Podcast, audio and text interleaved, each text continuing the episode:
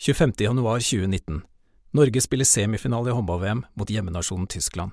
Kampen går inn i det kritiske siste kvarteret. Tyskland tar innpå og ligger nå bare to mål bak. Hallen eksploderer i nytt håp om tysk finaleplass.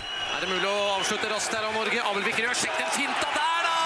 Abelvik Rød! Så stuper 21 år gamle Magnus Abelvik Rød fram og gjør to mål for historien. Abelvik Rød fortsetter å skyte og skyte og skyte og skyte. Skal skyte tyskerne i stykker i kveld, da? Under maksimalt press i noen av de mest avgjørende minuttene i norsk herrehåndballs historie. Norge går til VM-finale, og Magnus er helten alle vil ha en bit av.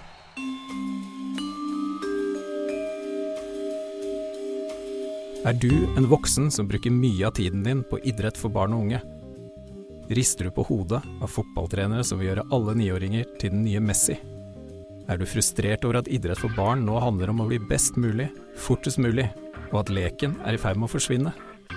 Da bør du lytte videre.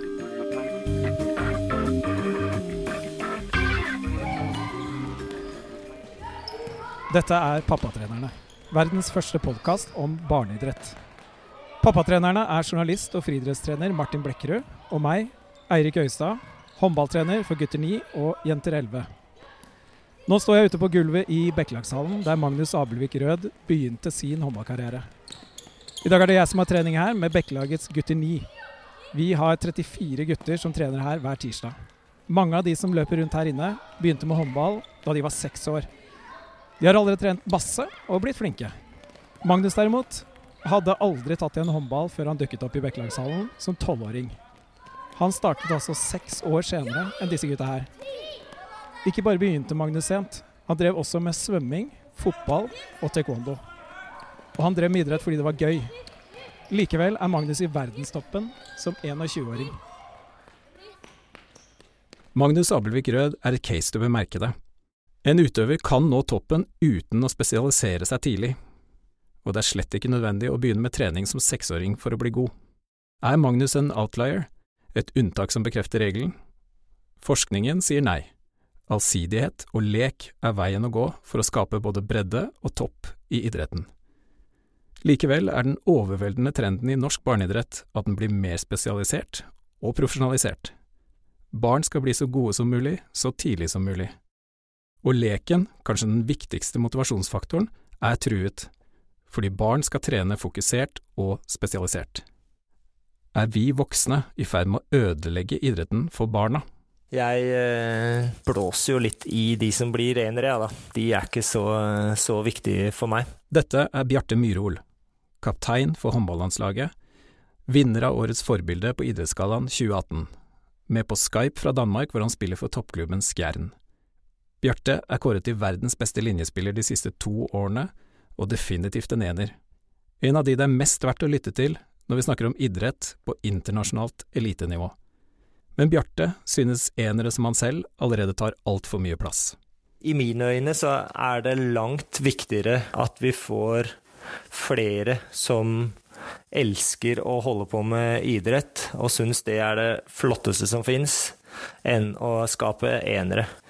Så hvis eh, det er veien å gå for å, å skaffe verdens beste ishockey- og håndball- og fotballspillere, så, så, er det faktisk en vei jeg ikke ønsker å, å, være med på. Da vil jeg mye heller ha langt flere barn som, som holder på med, med idrett. For fire år siden begynte Bjarte et prosjekt med broren Atle for å utvikle Learn Handball, et digitalt verktøy for håndballtrenere.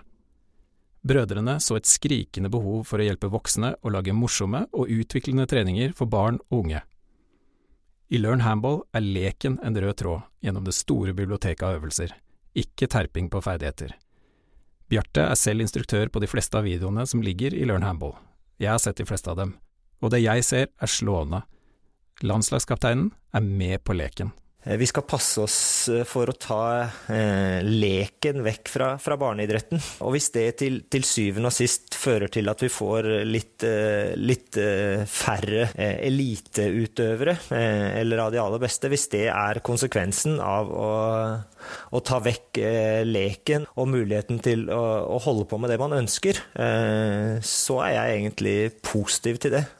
Eh, men jeg er av oppfatninga og tror veldig på at barn eh, har godt av denne allsidigheten, og at til syvende og sist så vil de også utvikle seg som, som idrettsutøvere ved å drive allsidig. På 60-tallet drev nesten ingen barn med organisert idrett i Norge. Nå gjør nesten alle det. For hvert barn som møter opp på trening, følger det med minst én voksen.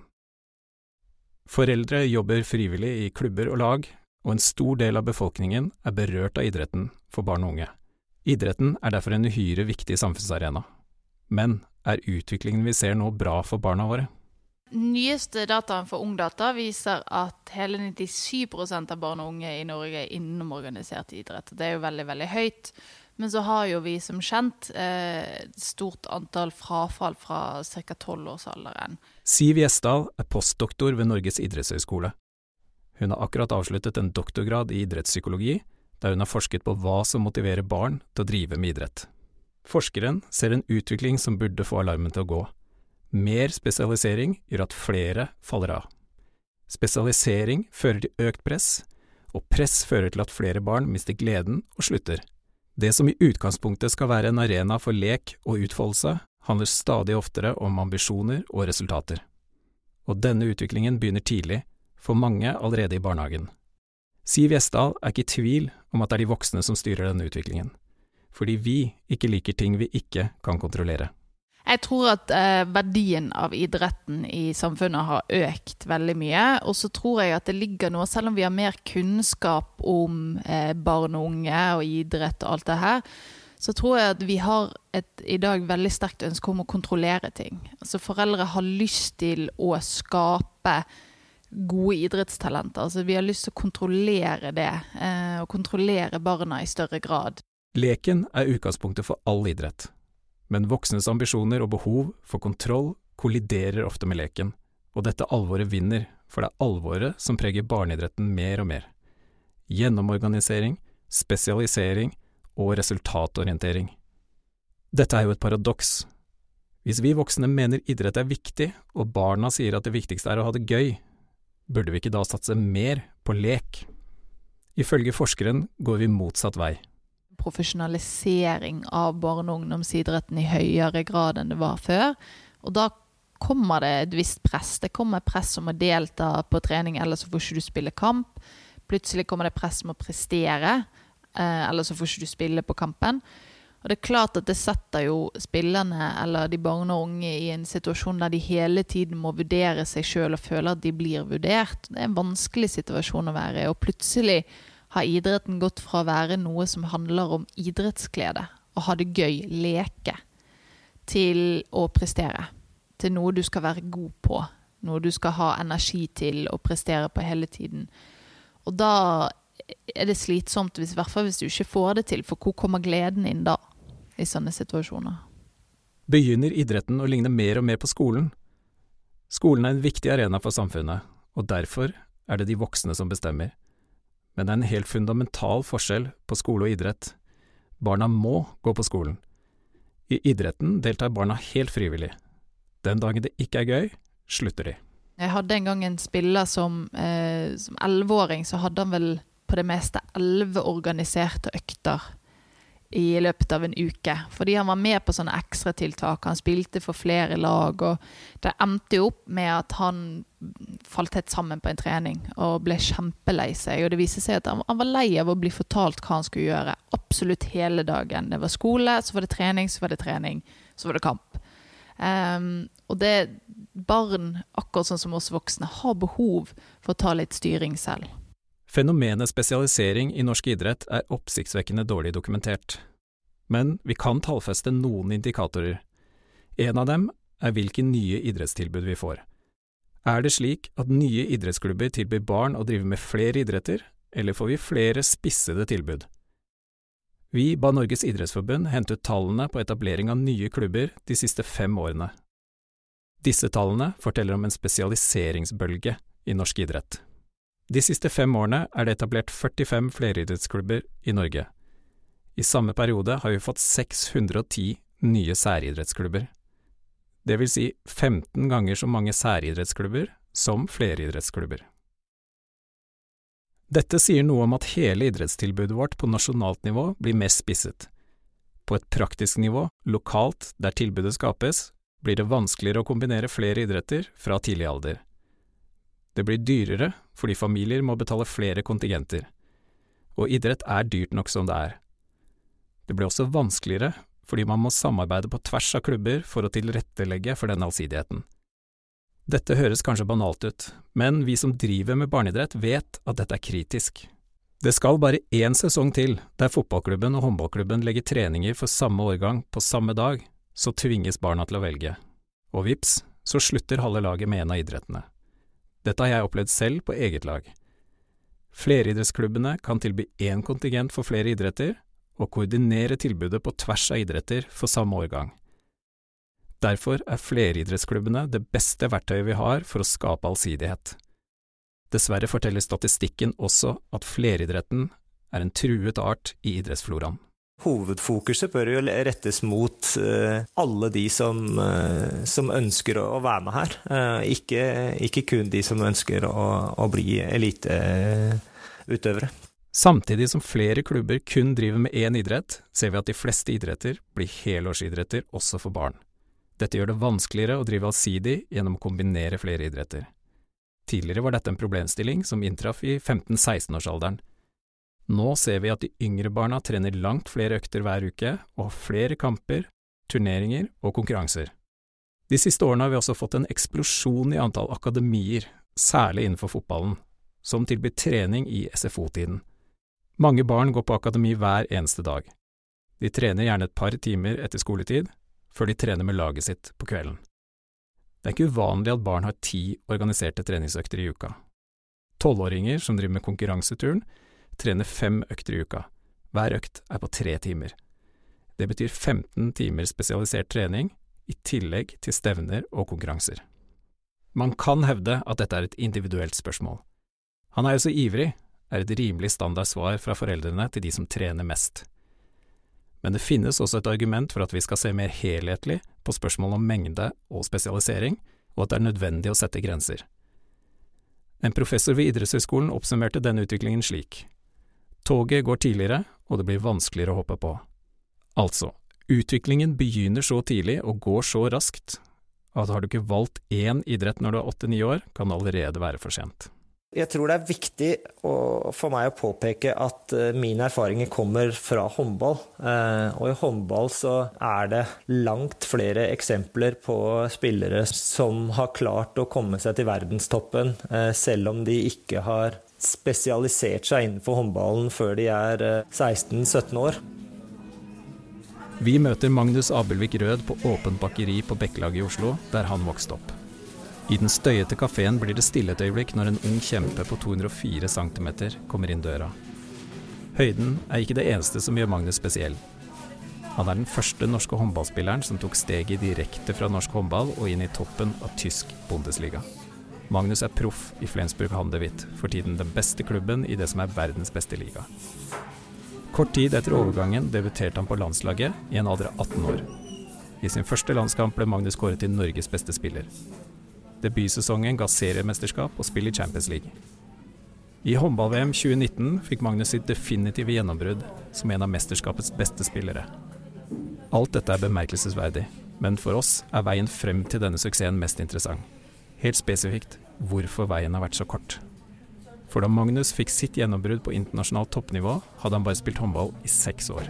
Jeg, jeg, tror ikke jeg hadde vært der jeg er i dag hvis jeg ikke hadde drevet med de idrettene jeg hadde drevet med. Um, når, jeg, når, tenkte, når, jeg, tenkte, over det, så er det på en måte at når jeg var Jeg startet med fotball da jeg var seks, år. Det var, liksom, det var det jeg starta med. Og um, drev med helt til jeg var 11-12. Og da var jeg alltid stor, sterk, eh, rask. Eh, og så kom jeg i den vokseperioden min og ble veldig keitete. Eh, og da husker jeg jeg klarte ikke å trikse til to engang. Og eh, jeg husker at jeg var så forbanna at eh, det gjorde tydelig at jeg ville Jeg måtte bare klare det. Så jeg drev og sto i hagen og triksa og triksa, triksa helt til jeg klarte å ha kontroll på eh, kroppen min, rett og slett. Til jeg klarte å trikse til 50 og 100. Samme med taekwondo. Eh, at jeg ble Jeg klarte ikke å stokke beina da jeg skulle gjøre de ulike øvelsene. Eh, og det irriterte meg så eh, veldig. Så at jeg sto igjen etter treninga og øvde på spark og slag og alt der. Eh, og i tillegg hvor jeg hadde svømming, da, som hjalp meg til å bygge styrke, da, rett og slett. Altså naturlig styrke. Det tror jeg hjalp meg veldig på håndballen, som er en veldig krevende idrett i forhold til å at det skjer så veldig mye forskjellig. Altså Det er så mye retningsendringer. Eh, skudd på mål, tilbake i forsvar, jobbe sidelengs, eh, opp og skyte. Altså Det er mye som skjer, da. Og um, da er jeg veldig takknemlig for at jeg gjorde det jeg gjorde. Hadde tidlig spesialisering vært den eneste veien til toppen, hadde ikke Magnus vært en av verdens beste håndballspillere i dag. Vitenskapen på området forteller også at vi bør legge bort ideen om å skille ut talentene fra tidlig alder. Siv Gjesdal forklarer. Forskningen i talentutvekklingslitteraturen viser jo veldig tydelig at vi er veldig dårlige til å plukke hvem som blir best. Altså, når du har en gruppe med 13-åringer f.eks., som alle er av et visst nivå, så er det veldig vanskelig å peke på hvem som, som blir toppspiller, om noen av de blir det i det hele tatt. Og det er jo veldig mye det tilfeldigheter som spiller inn, det å tåle belastningen som man må ha over tid, det å unngå skader osv. Eh, som ofte er avgjørende, og det er veldig vanskelig å predikere. Altså, vi kan ikke si noe om det i fremtiden. Eh, det men det, det, som er Vi vet er at det er viktig å trene allsidig. Det er viktig for å eh, kroppskontroll, koordinasjon, alle disse type tingene. Men også mange vil jo antagelig si at det er viktig for å unngå skader. Fotball, svømming og taekwondo har bidratt til å utvikle Magnus Abelvik Rød til en håndballspiller i verdensklasse seks år etter sin første håndballtrening. Magnus legger ikke skjul på at hardt arbeid og fokusert trening er en del av pakka. Men han snakker mer om hvor viktig det er at idrett er gøy, om kameratskapet og den sosiale verdien av å være en del av et lag. Altså det som gjorde det gøy, var at det var, eh, det var kult å komme på trening og treffe gutta igjen. Altså Vi hadde et veldig godt miljø, og eh, jeg husker at vi alltid gjorde ting med laget utenom. Da. Altså Det kunne være at vi møttes på en onsdag hjemme hos noen av foreldre, eller hjemme hos en og spilte og, eller, og, spiste og hadde, hadde det kult. Uh, og no, også når vi var på trening, så hadde vi mye konkurranser og leker og uh, gjorde ting som Altså, vi, vi, var jo konkurransemennesker, så vi likte å konkurrere. Men uh, bare implementerte det i håndballøvelser, da. Og det var veldig kult å være med på. Her er Bjarte Myhrvold igjen. Eh, innenfor håndballen så ser vi jo at eh, det er ekstremt stor andel, jeg har ingen tall, eh, men det er en veldig, veldig stor andel som er med av det sosiale. Som ikke har noen som helst Ikke har noe som helst ønske om å bli verdens beste. Og de skal vi søren meg ta vare på. Bjarte og Magnus er i hver sin ende av karrieren som toppidrettsutøvere, men de har mye felles.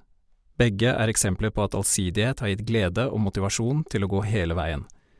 Ikke minst betyr det motivasjon til å komme gjennom de tunge skadeperiodene som utøvere på deres nivå ikke kommer utenom. De er også supertydelige på hvor mye treneren betyr for å skape den gleden som kreves for de som vil nå langt. Magnus snakker varmt om treneren han møtte i håndballen. Han som ga den nye, keitete tolvåringen de samme mulighetene, den samme oppmerksomheten og lik spilletid som de andre gutta. Han som fokuserte på å gjøre øvelsene til lek. Jeg tror treneren, i hvert fall etter som barn og unge blir eldre, er den aller viktigste faktoren for hvordan idrettsopplevelsen blir.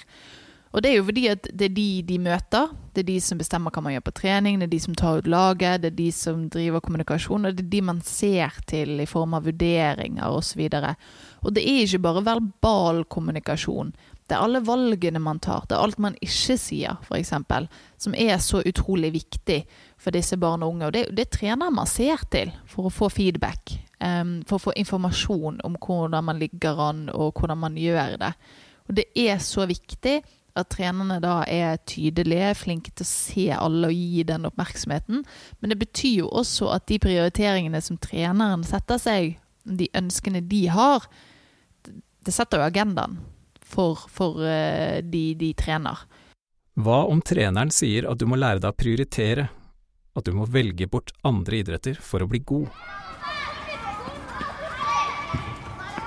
Selskapet Fotballprogresjon Norge, FPN, har følgende visjon. å bli den organisasjonen i verden som utvikler flest fotballspillere til de store europeiske klubbene. Sitat slutt. FPN leier ut trenere og har en rekke norske idrettsklubber som kunder. Reisen til de europeiske toppklubbene starter i fem-seks års alder, mener selskapet. FPN gjennomfører spesialiserte treningsopplegg for klubber, som min egen, Bekkelaget sportsklubb, og selger privattrening til hundrevis av barn fra fem år og oppover. Kim David Hunstok er da sportslig, sportslig leder da i Fotballprogresjon Norge. Både som fotballtrener, har jobba i ulike klubber. Vært hovedtrener i Lyn både på A-lag og juniorlag. De siste fire-fem åra jobba 100% i FPN, som er da forkortelsen for Fotballproduksjon Norge. Og vi driver med spilleutvikling. Vi ønsker jo å starte så tidlig som mulig. Vi ønsker at barn i fem-seks års alder skal komme til oss. FPN gjør en rekke tester av ulike ferdigheter. De beste resultatene offentliggjøres på nettsiden under fanen Hall of Fame. I hver kategori kåres og navngis de beste utøverne, gutter og jenter helt ned i seks år, i kategorier som hastighet uten ball målt med fartsmåler. Under fanen Verdigrunnlag kan man lese hva FBN mener kreves for å bli en god fotballspiller. Det tredje punktet på lista er prioriteringsevne. Her står det hvis man velger å satse som fotballspiller, velger man samtidig bort andre aktiviteter. Man lærer verdien av å gjøre noe ordentlig og prioritere vekk det som er mindre viktig. Verdigrunnlaget utgjør 20 punkter, allsidighet er ikke et av dem. Bjarte Myhrvold er ikke begeistret for at vi forteller barn at de må velge for å bli gode.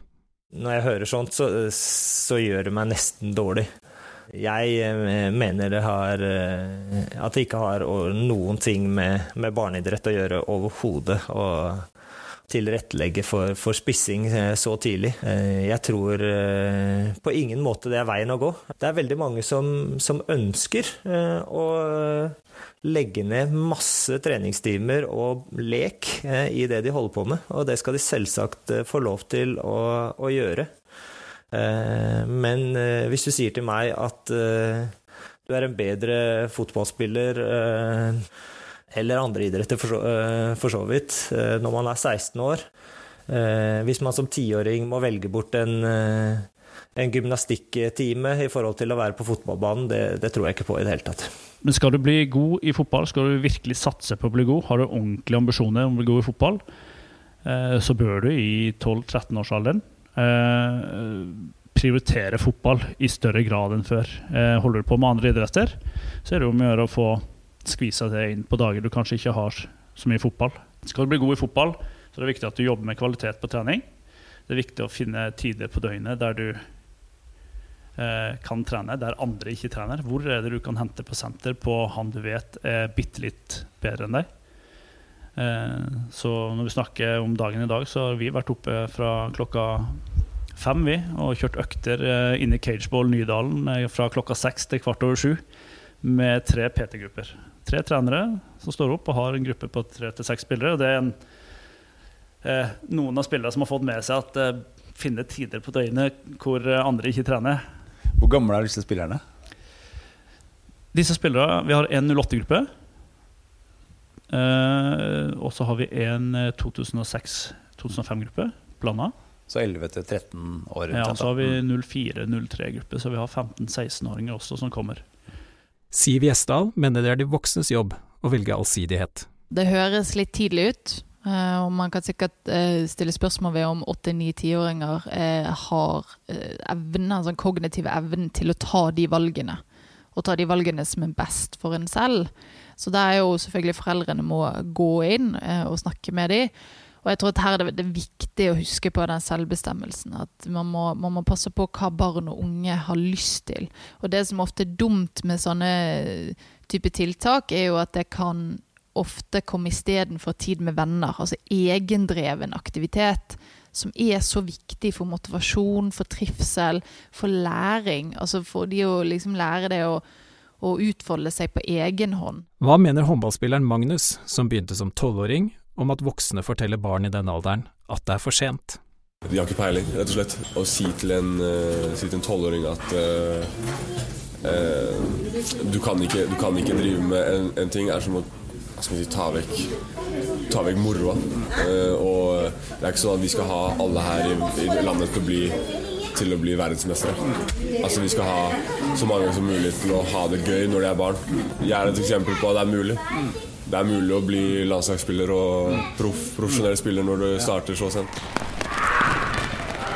Tilbake i Bekkelagshallen, hvor 30 gutter nå er i full aktivitet en tirsdag ettermiddag. Trenerteamet til disse niåringene er to mammaer og tre pappaer som er helt samstemte i hva oppgavene våre er. Sørge for at alle har det gøy og vil holde på med håndball lenge. Enkelt. Men det er ikke så enkelt som det høres ut. Dilemmaene står i kø.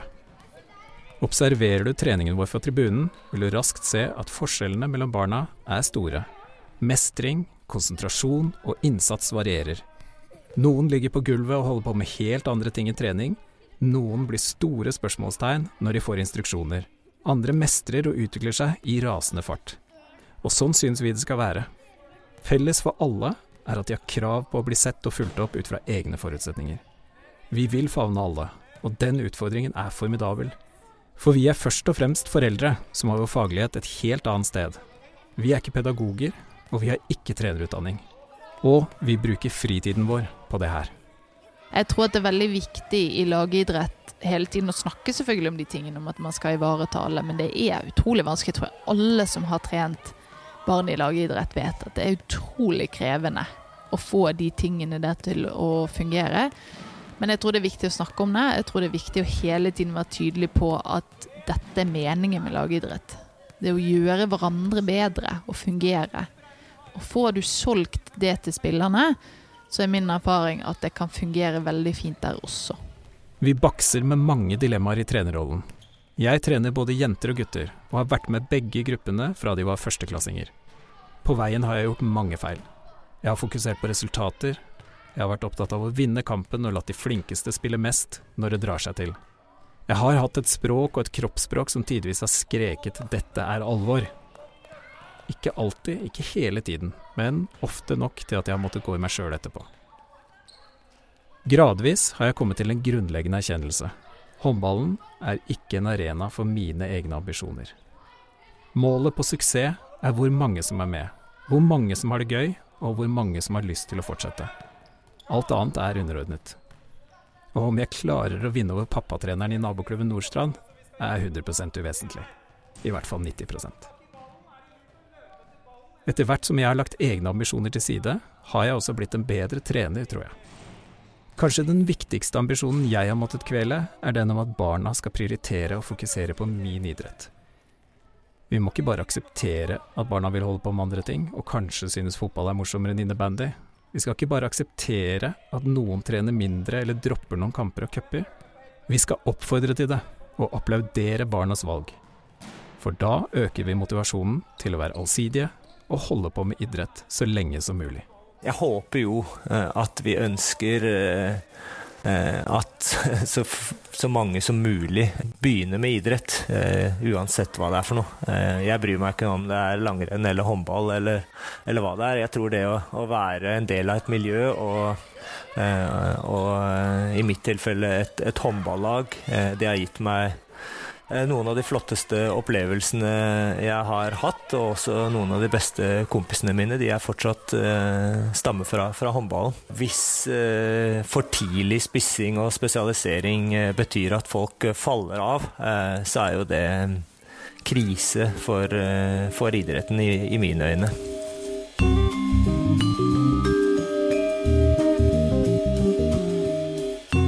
Hva mener du? Debatten fortsetter i vår Facebook-gruppe Pappatrenerne. Du har hørt Pappatrenerne, verdens første podkast om barneidrett. Pappatrenerne er Eirik Øyestad og meg, Martin Blekkerud. Podkasten er produsert i samarbeid med Sleger og Filt Oslo ved produsent Peter Daatland.